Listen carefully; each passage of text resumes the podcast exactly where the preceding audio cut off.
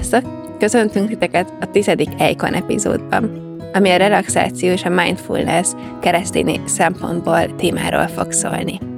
Kezdjük azzal, hogy mit is jelent ez a két dolog, relaxáció és mindfulness.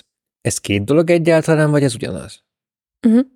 Szerintem fontos, hogy két külön dologként beszéljünk róla, bár majd biztos kitérünk arra is, hogy mik a hasonlóságok, és miért kerültek egy témába itt a mi epizódunkba.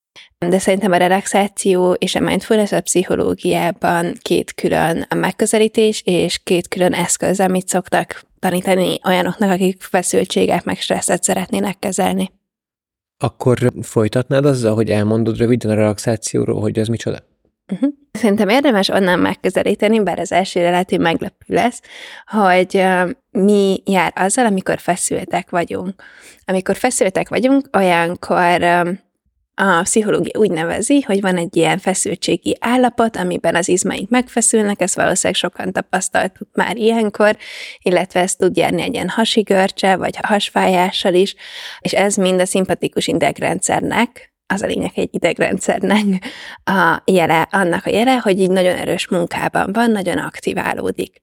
És akkor erre jön a relaxáció, hogy oké, okay, mit csináljunk, amikor ebben az állapotban vagyunk, és a relaxáció abban segít, hogy ezt az állapotot csökkentsük.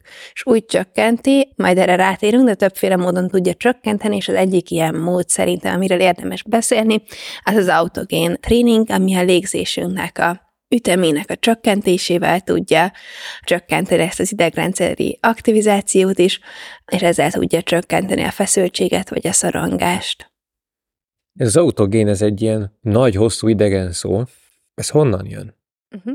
Az autogén jelentése az az autó meg a génből álló szókapcsolat, és uh, igazából azt jelenti, hogy ha kettőt összetesszük, hogy önmagunkból, vagy saját magunkból származó, és a tréning az meg szerintem egy sokunk által nagyon jól ismert szó. Itt azért van ebben a szókapcsolatban, ahogy én tudom, mert a rendszeres gyakorlásra utal arra, hogy ez nem egy olyan dolog, amit egyszer megcsinálunk, és akkor nagyon hatékony és jó hatása lesz, hanem fontos szerepe van annak, hogy ezt rendszeresen gyakoroljuk, és ahogy ha rendszeresen járunk futni, akkor is egyre többet tudunk futni, és egyre jobban fogjuk érezni magunkat. Úgy itt is arra utal a tréning, hogyha egyre gyakrabban használjuk ezeket a technikákat, akkor annál komfortosabbak leszünk, és egyébként ez ilyen biológiai kutatások is vannak, hogy a szervezetünk megtanulja ezeket a um, technikákat, és ezáltal, hogy megtanulja ezáltal, gyorsabban tudjuk alkalmazni a nézéstechnikát, és hatékonyabb lesz, tehát, hogy gyorsabban fog hatni az idegrendszerünkre is, és hamarabb csökken a feszült állapotunk. Tehát akkor alapvetően azért hívják autogénnek, mert ezt így egyedül a négy fal között magunktól is meg tudjuk oldani. Nem egy olyan stressz csökkentő eszköz, amihez el kell menni valahova, vagy találkozni kell valakivel, hanem magunkban is tudjuk csinálni.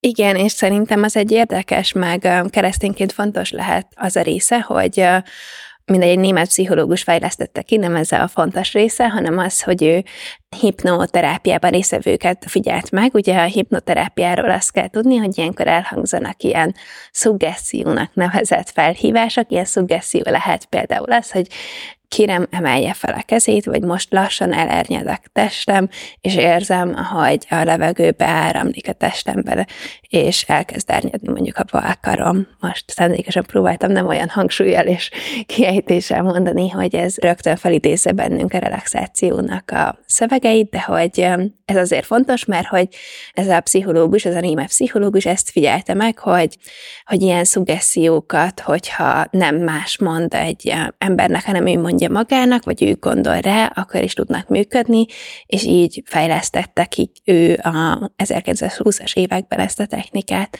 Szóval igen, ezt lehet gyakorolni egyedül, ugyanakkor nagyon sok helyen kiemelik, ennek van az autogén tréningnek egy ilyen társasága, meg egyesülete is, és ők is kiemelik azt, hogy ez hasznos, hogyha az ember először valakitől ezáltal gondolnak képzett embertől tanulja, hogy ne az legyen, hogy mondjuk olyan dologra használja, amire már fontosabb lenne egy másfajta mélyebb beavatkozás. Milyen fajtája annak a, a relaxációnak, vagy az autogén tréningnek? Én pár gyakorlatot gondoltam, hogy elmondok, mert szerintem ezek azoknak, akik erre nyitottak, és próbálkoztak, vagy olvastak már erről, azoknak ez ismerős lehet, és tudják mihez kötni. Az egyik ilyen a mélégzés, ez talán a leggyakrabban használt, illetve a legjobban ismert gyakorlat szerintem. A mélégzés valójában annyiról szól, hogy meghatározza, hogy hány ütem a kifújás, és hány ütem a belélegzés. És ennek különböző szabályai vannak, hogy négy ütemig, vagy öt ütemig. A lényeg az szokott lenni, hogy azáltal, hogy számolunk, azáltal lecsökken a légzésünknek a gyorsasága, és lelassul. És a másik, hogy hosszabb ideig fújunk ki, és ezáltal több széndiokszid távozik a szervezetünkből. Egy másik ilyen gyakorlat, ami szerintem vicces, az az, hogy egy négyszög légzésnek nevezik. A négyszöglégzést azért hívják négyszöglégzésnek, mert hogyha elképzeljük, akkor ugye négy oldala van, és amikor fölfele haladunk a négyzeten, akkor lélegzünk be, aztán bent tartjuk, ez egy fontos része ahhoz, hogy ez hatásos legyen, kifújjuk, amikor lefele megyünk a négyzeten, és aztán várunk egy kicsit, míg beszívjuk a következő levegőt. És akkor van például a hasi légzés, amit talán még többen ismernek, ami alapvetően szerintem azért is izgalmas, mert hogy ott nincs valójában semmiféle szuggeszió, még annyi se, hogy egy négyzetet képzelj el, hanem valójában annyit mondanak, hogy figyelj, hogy a hasadba vegyed a levegőt, vagy ennyit mondunk magunknak, hogy most picit odafigyelek, hogy a hasamba veszem a levegőt. Szóval azt így látjuk, hogy ez a három légzés technika, amit most elmondtam, szerintem ebben nagyon kevés a szuggeszió, és nagyon könnyen elsajátíthatóak mind a három. Két kérdésem van akkor ezek kapcsán. Az egyik az, hogy akkor az autogén tréning és a relaxáció az ugyanaz? Én ezt mondanám, de simán lehet, hogy valaki, aki nem sokkal képzettebb bele, belekötne, de én azt gondolom, hogy az autogén tréning az ő képzésanyagaik alapján is egy része egyfajta relaxációnak. Elég sok módon tudunk relaxálni, és szerintem egyik különbség abban, hogy milyen módokon lehet relaxálni, az az, hogy mennyire tartalmaz imaginációs elemet, tehát olyan elemet, amiben el kell képzelnünk valamit. Például van olyan gyakorlat, ahol el kell képzelnünk, hogy egy számunkra kellemes helyre megyünk. Itt szerintem érzékelhetjük, hogy ez egy sokkal nagyobb képzeleti munkát tartalmaz, mint hogyha mondjuk csak azt mondjuk, hogy képzelj el egy négyzetet, és annak alapján fújt ki, és szív be a levegőt. A második kérdésem az lett volna, hogy csak légzéstechnikák tartoznak-e ide, de ezt most meg is válaszoltad. Rátérhetünk a mindfulnessre? Igen. Én röviden úgy definiálnám, vagy úgy ragadnám meg a mindfulness-t, amit magyarul időnként tudatos jelenlétnek fordítanak, az eredeti nyelvei meg különböző ókori indiai nyelvek, amiket úgyse értünk, hogy veszük azt, ami a tapasztalatunkban itt és most van, tehát vannak érzékszervi tapasztalataink, látás, hallás, ízlelés, szaglás, tapintás, vannak tudatos tapasztalataink, gondolataink, érzéseink, és ezeket figyeljük. Ezekre fókuszálunk, nem a jövőre, nem a múltra, nem gondolkozunk sokat egyéb dolgokon, hanem arra figyelünk, ami a tapasztalatunknak a tartalma. Igen, és szerintem az az érdekes ezzel kapcsolatban, hogy, hogy nem értékeli ezeket a dolgokat.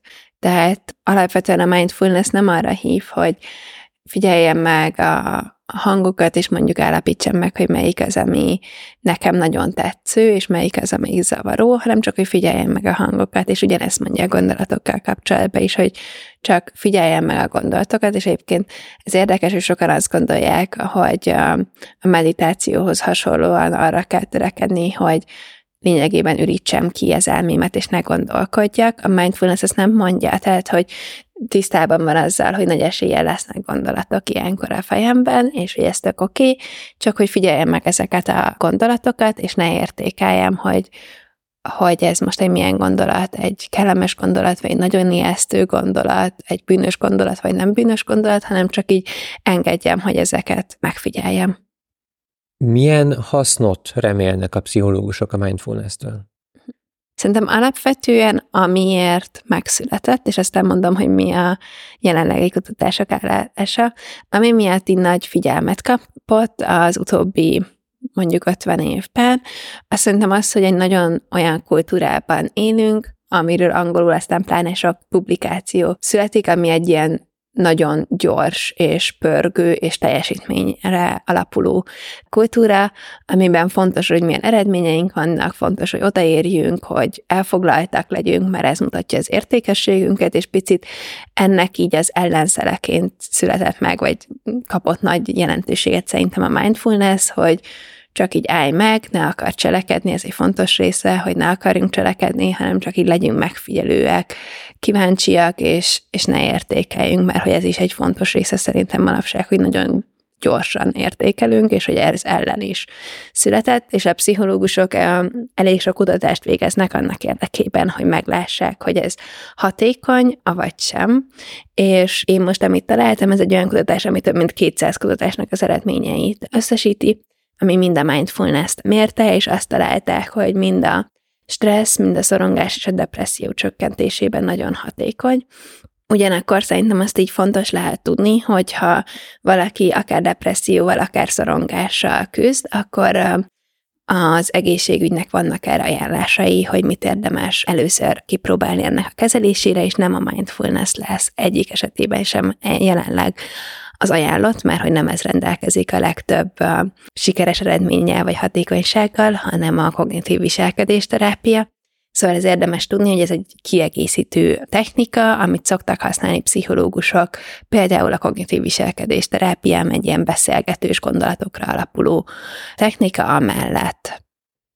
Szerintem érdemes egy picit beszélni a mindfulness hátteréről is, mert az sokat előkerül, amikor keresztények gondolkodnak róla, meg egyébként is érdemes tudni, hogy ez egy nagyjából 2500 éves gyakorlat, és az eredete az a, az a buddhizmusban van.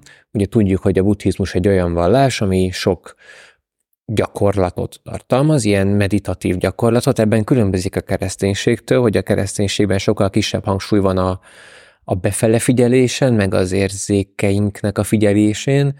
A buddhizmus azt gondolja, hogy ez fontos, és eredetileg a mindfulness meditációnak az volt a célja, hogy azzal, hogy az itt és mostra figyelünk, és a érzékeinket, meg a gondolatainkat, tehát a tudatunkat így kívülről nézzük, mint egy folyamot, amit csak úgy nézünk anélkül, hogy minősítenénk, azzal így eltávolodunk, függetlenedünk kicsit a világban levő dolgoktól, és le tudjuk tenni a kötődéseinket. Tehát a buddhizmus számára a szenvedés forrása az, hogy kötődünk dolgokhoz, és ezeket igyekszenek elengedni. És ennek az egyik módszere az, hogyha nem a jövőn meg a múlton gondolkodunk, hogyha nem veszik komolyan, nem ragaszkodunk a saját gondolatainkhoz, hanem megpróbáljuk ezeket csak így elengedni, és a buddhisták szerint, hogyha erre figyelünk, és ha ezt kellőképpen gyakoroljuk, akkor föl fogjuk ismerni, hogy a körülöttünk levő világ valójában nem több,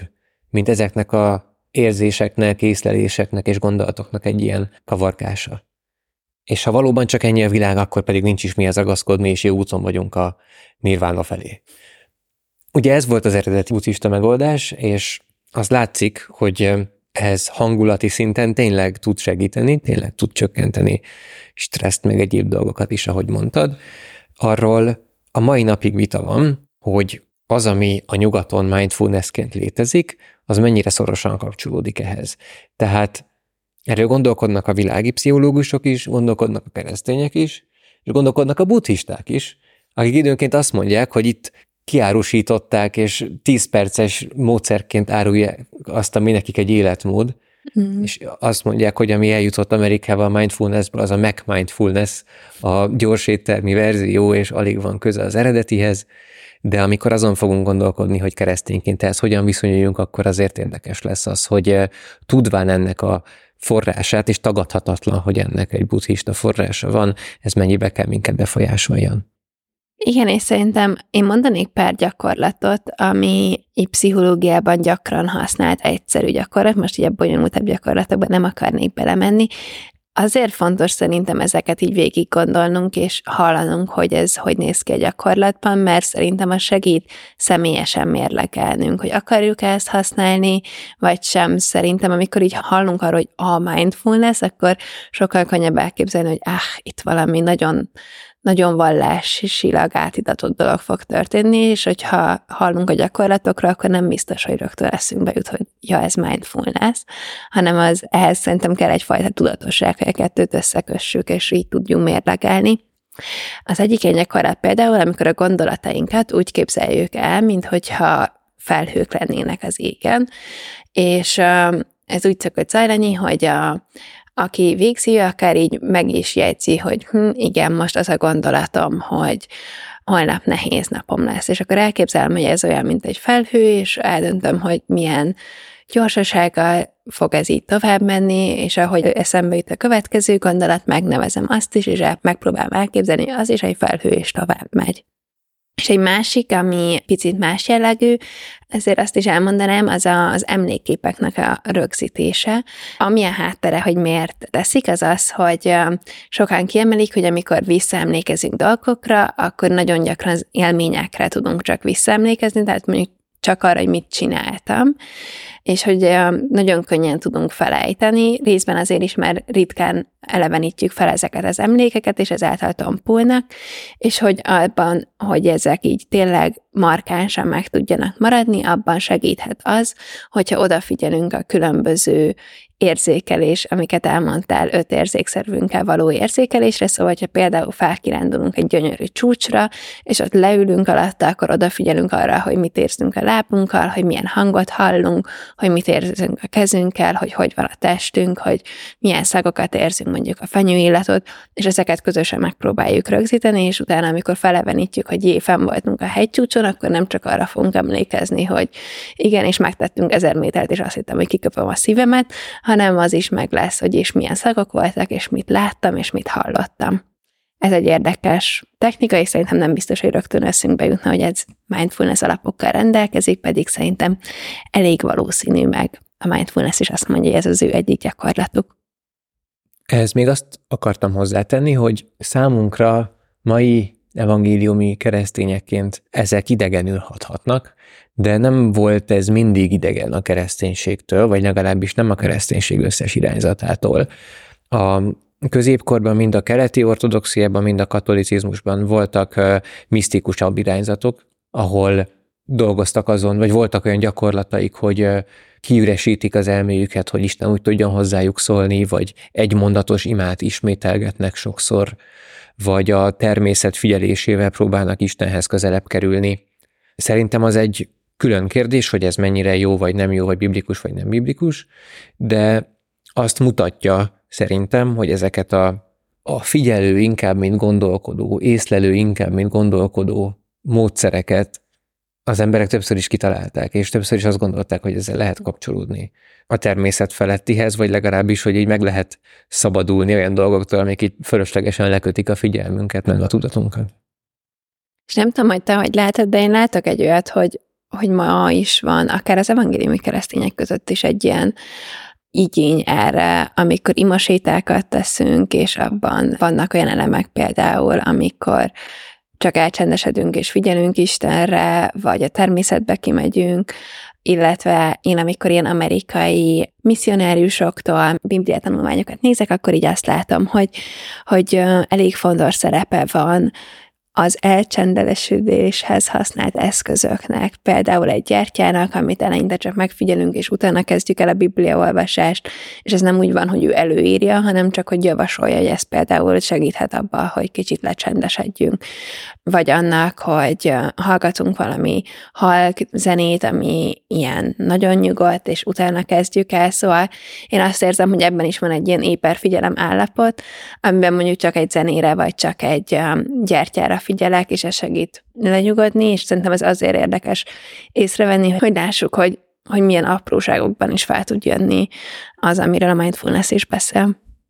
Igen, kétségkívül ilyen előfordul az evangéliumi kereszténységben is, de szerintem ez éppen azért van, mert az evangéliumi kereszténység az elmúlt pár évtizedben elkezdett figyelni ezekre a misztikusabb irányzatokra, hm. főleg a jezsuita lelki gyakorlatokra, különböző mértékben, és azokból meríteni.